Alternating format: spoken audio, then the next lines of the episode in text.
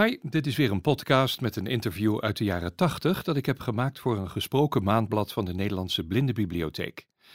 Mijn naam is Bob van der Houven en ik was destijds in vaste dienst van die Blindenbibliotheek als voorlezer en redacteur.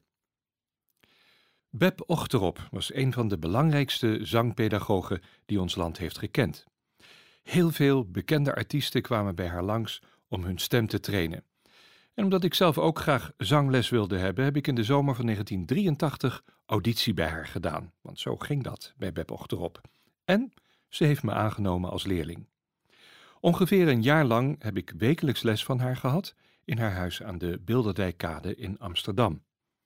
Op 14 november 1983, dat was voorafgaand aan een van haar lessen, heb ik haar geïnterviewd.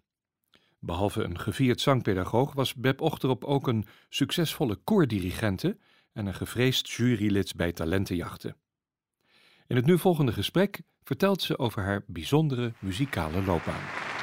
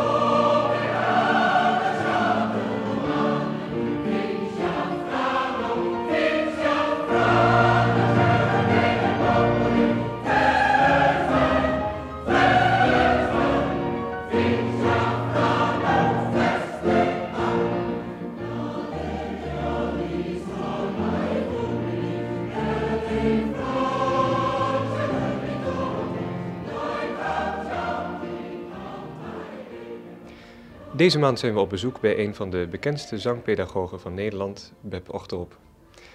En de eerste vraag, mevrouw Ochterop, die ik u graag zou willen stellen, is uh, iets wat mij wel fascineert. Hoe wordt iemand nou zangpedagoog?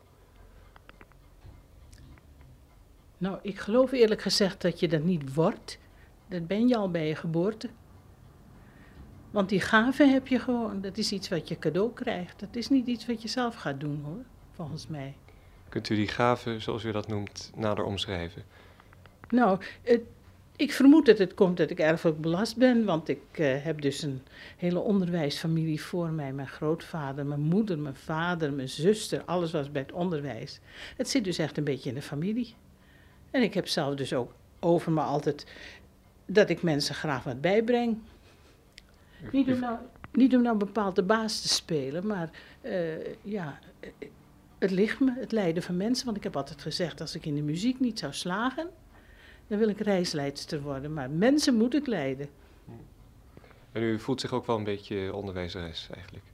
Ja, beslist wel. En dat zijn dus de gaven die je meekrijgt van je voorgeslacht, volgens mij. en ik, ik, neem aan als ik uh, een, een, dochter of zoiets was van een koekenbakker, dat ik beter in de keuken kon blijven dan zangles geven. Hoe is het met die uh, muzikaliteit gesteld in uh, uw voorgeslacht? Weet u daar iets van? Van mijn familie? Nou, dat, dat was goed hoor. Mijn vader was voor liefhebberij koordirigent. Mm -hmm. En hij speelde uitstekend viool. En mijn zuster zong heel erg goed. Die heeft ook bij de radio gezongen. En mijn moeder had een heel mooie stem als amatrice. Maar het zit echt wel in de familie. Ik had ook een tante die uitstekend zong.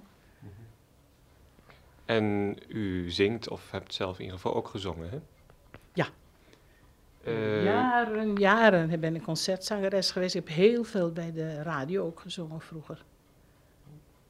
En ik heb ook in koren gezongen. In het begin doe je dat om wat te verdienen natuurlijk. En naderhand, als je verder komt, dan wordt dat solistisch. Ja, u uh, houdt zich op allerlei manieren met uh, zingen bezig. Hè? Want u bent niet alleen zangpedagoge, maar u hebt daar nog uh, een aantal taken bij. Kunt u daar iets over vertellen? Ja, dat is zo.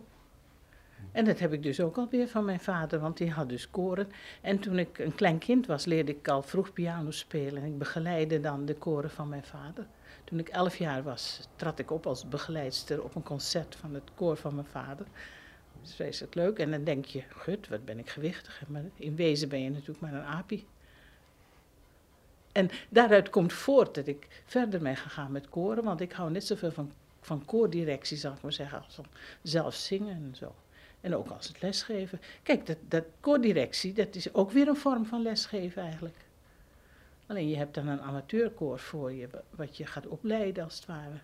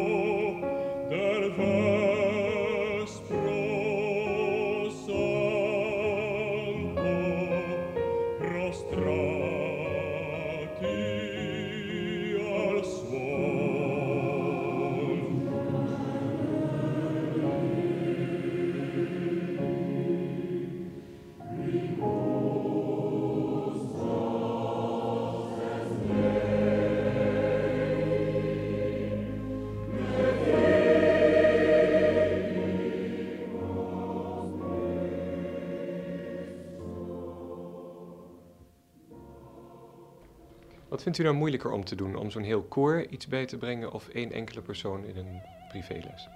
Nou, dat is heel verschillend. Dat hangt toch van het materiaal af wat je krijgt. Dat is met een privéles is dat zo. De een is vlot van aannemen en de ander niet. En de een is moeilijk van karakter en de ander weer niet. En dat heb je ook met koren, er zitten diverse mensen in. als het gros nu een beetje vlot is, dan gaat het vlug. En als ze erg dom zijn, dan gaat het langzaam. U zit er al heel lang in, hè, dat uh, koorwerk. U hebt een uh, jubileum gehaald, dacht ik, een aantal jaar geleden, is niet?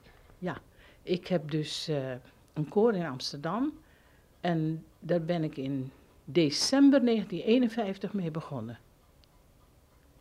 Dus ik heb toen gejubileerd dat ik daar 30 jaar was. Dat is dus alweer een poosje terug. En ik heb een koor in Haarlem. En daar heb ik verleden jaar het 25-jarig bestaan mee gevierd. Toen was ik er ook 25 jaar, want ik ben van het begin daarbij. Zo zit dat. Nou, en daarnaast heb ik nog diverse andere koren gehad. Ik heb een paar radiokoren gehad in de tijd, zonder mijn leiding. Ik heb 4,5 jaar lang uh, het luchtmachtkoor uit Hilversum geleid. Dus stond ik voor de soldaten. En ik heb negen jaar een mannenkoor hier in Amsterdam gehad. Maar ja, dat zijn geen jubilea natuurlijk. Hè. Maar die andere twee koren, daar ben ik al steeds bij en daar blijf ik ook bij, tot zolang als het niet meer gaat natuurlijk.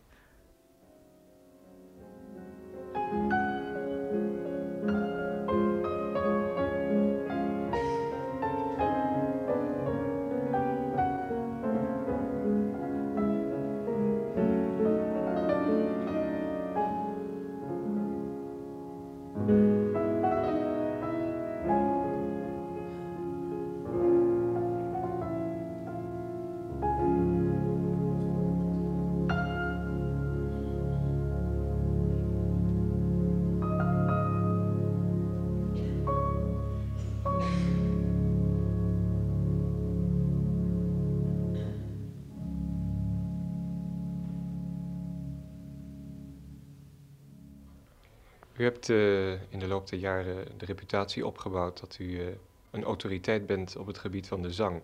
En dat houdt ook in, dat heeft natuurlijk consequenties, dat u wordt gevraagd voor de jury van het Songfestival, voor talentenprogramma's als Nieuwe Oogst. Um, als u daar zitting neemt in zo'n jury, hè, wat zijn nou de criteria die u aanlegt bij het beoordelen van de prestaties van een kandidaat? Dat hangt er vanaf waar het over gaat. Het Nationale Songfestival en het Internationale Songfestival gaat het altijd om het liedje. Mm -hmm. Dus dan begin je met het liedje te beoordelen. En dan ga je kijken hoe het uitgevoerd wordt. Niet omgekeerd. Dat is juist de fout van veel mensen die denken: ik moet naar de zanger of zangeres luisteren. Nee, je moet eigenlijk je ogen dicht doen en je moet luisteren naar wat, wat je hoort vertolken. En dat is de maatstaf van het winnen. Maar ja, je hebt ook talentenjachten waar het gaat om de mens natuurlijk. En dan ga je wel zijn repertoire bekijken, maar in hoofdzaak de prestatie. En als u dan inderdaad naar de mens kijkt, uh, wat zijn dan de facetten die bij uw beoordeling aan, aan bod komen? van de artiest, hè? Ja. Ja, dan let ik dus op stemvorming natuurlijk, op zuiverheid en op duidelijkheid van tekst. En natuurlijk ook wel uh, uh, op technische zaken, natuurlijk. Daar ben ik zangpedagoge voor, daar let ik altijd op. Presentatie, vindt u dat belangrijk? Is ook belangrijk, natuurlijk. Maar dat hangt er dus weer helemaal vanaf wat ze doen. Als iemand dus zeg maar op een talentenjacht een, uh, een oratorium-aria gaat zingen, dan moet je weer veel meer op de techniek letten. En zingen ze een cabaretliedje, dan komt de presentatie weer weer te sprake. Het hangt er dus allemaal van af wat ze brengen. En dat moet je indelen in die verschillende rubrieken. Daarom het is niet zo eenvoudig om in zo'n jury te zitten als je het goed wil doen. Maar u houdt zich inderdaad uh, ook bezig met lichte muziek. Ja. Um, ja, wat vindt u van zo'n term eigenlijk, lichte muziek? Of wat vindt u van begrippen als de kleine K en de grote K in de kunst? Ja, moet je ervan zeggen? Kijk, die grote K, dat zijn meestal de werken die door de eeuwen heen bekend blijven. En de kleine K zijn de dingen die langzaam maar zeker gaan verdwijnen. En er zijn ook weer andere zaken bij, want bijvoorbeeld de liedjes van Louis Davids, die blijven eeuwig, en van Dirk Witte die blijven bestaan. Maar er zijn ook uh, zogenaamde lichte muzieksongs staan die langzaam maar zeker helemaal in het vergeetboek raken. Maar ik onderscheid altijd uh, voor mij goede en slechte. En of het nou grote of kleine K is, dat interesseert me helemaal niet. Het moet goed zijn, het moet slecht zijn. En natuurlijk het liefste goed. En daarbij hanteert u dan natuurlijk die normen waar we het zo net over hebben gehad. Presentatie en techniek enzovoort. Ja, um, dan uh, wilde ik u vragen, als u nou in uw privélessen aan een zanger of zangeres werkt, wat voor gevoel geeft u dat om te zien dat u iemand bezig bent op te kweken? Wat betekent dat voor u? Nou, dat, dat is gewoon mijn levenswerk, dat vind ik heerlijk. Ik hoor tot de mensen die uh, gewoon er trots op is als ik een goede leerling kan afleveren. Je hebt ook mensen die uh, bijvoorbeeld zelf nog zingen en die hebben dan een leerling en die zijn als de dood voor concurrentie. Dus die, dat hebben ze wel eens tegen mij gezegd. Je moet die mensen niet zo goed maken, het zijn concurrenten dan. Nou, dat interesseert me helemaal niet, want uh, vooral als je niet meer zingt, heb je er alleen maar belang bij dat zo'n leerling goed gaat. Op zich is het wel een groot compliment natuurlijk. Hoezo? Nou, dat ze zeggen van, uh, maak ze niet zo goed. Blijkbaar uh, bent u daar dan wel toe in staat. En ja, ik heb gehoord dat u ook uh, nog alles beroepsmensen over de vloer krijgt. Hoe komen die mensen er nou toe om toch nog uw begeleiding te vragen? Nou, dat komt meestal voort uit het feit dat ze niet prettig zingen. Als een onbehagelijk gevoel in hun stem hebben. Dan zeggen, hé, hey, die hoogte haal ik niet, die laagte haal ik niet. Ik kan geen lange toon vasthouden. Dan moet je techniek gaan oefenen bij een ervaren leraar of lerares die je erbij kan brengen. Want iedereen kan wel een paar tonen maken, niet? Een klein kind zingt al. Maar om dat goed te gaan doen, dat het verantwoord is. Dat is een tweede. En je hebt dus al artiesten die optreden met wat ze hebben. En die komen naar de hand tot de ontdekking als ze het gaan vergelijken met anderen. Hé, hey, dat kom ik tekort. En die komen dan weer bijwerken. Hè? Ja, over die artiesten gesproken. Welke bekende Nederlandse artiesten hebt u nou zoal onder uw hoede gehad in de loop der jaren? Nou, mag ik daar het zwijgen toe doen? Is namelijk zo, ik heb het laatst eens opgesteld en het was een lijst van over de 200. En ik vind het vervelend om er een paar te noemen en anderen te negeren, want ze zijn maar allemaal even lief geweest en zijn ze nog. Daarom, ik, ik geef daar liever geen uh, antwoord op, want wanneer ik een paar ga noemen, dan voelen die anderen zich werkelijk bedrogen. Het is echt een waslijst dus. Ja, dat is beslist wel. Ja, want ik geef al 45 jaar les. Zodoende. Nou, dan heb je wel iets uh, onder je dak gehad. U bent dus wel eerder met lessen begonnen dan met, uh, met die koorden? Ja. Mijn eerste les heb ik gegeven in 1938. Ja. En in 1951 kreeg ik dan echt voor vast zo'n koor. Maar daarvoor was ik al bezig in het klein hoor. Want ik, ik viel af en toe eens in voor mijn vader eh, als hij niet kon en zo. En wel met clubjes van uh, medeleerlingen leidde ik het een beetje. Maar ja, dat kun je niet echt koordirigent noemen natuurlijk. Dat was eigenlijk toen in 1951.